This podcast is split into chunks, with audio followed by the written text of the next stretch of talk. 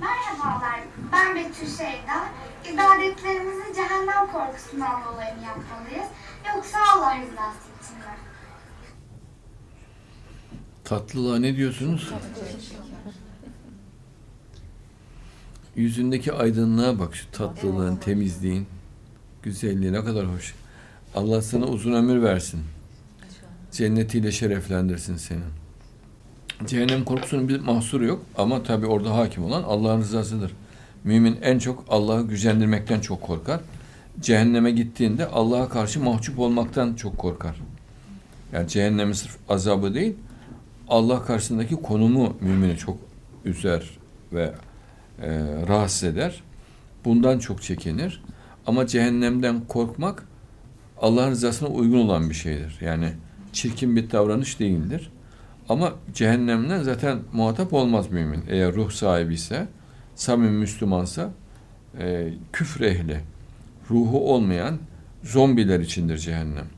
Ruhu olan şuurlu bir varlık, samimi bir varlık, samimi bir insan cehenneme gitmez zaten. Ama cehennemden korkmak yanlış olan bir tavır değildir. Yanlış bir tavır olarak düşünmemek gerekir.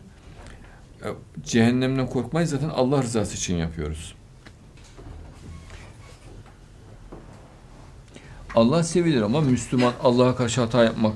Çünkü çok küçük düşürücü bulur Müslüman. Allah katını, konumu. Çok kötü olmuş oluyor. Cehenneme gidiyor. Allah ondan razı değil. Tabii ki bu Müslümanı e, rahatsız eder. Buna Allah korkusu denir. Allah'ı gücendirmekten çok korkar mümin. Yoksa yanmak değil orada konu. Allah'ı gücendirmek. Fakat Allah'ın kurduğu sisteme e, uymak lazım.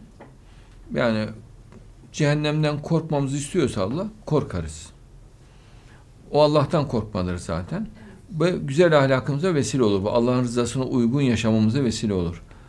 Bunda yanlış olan hiçbir şey yok.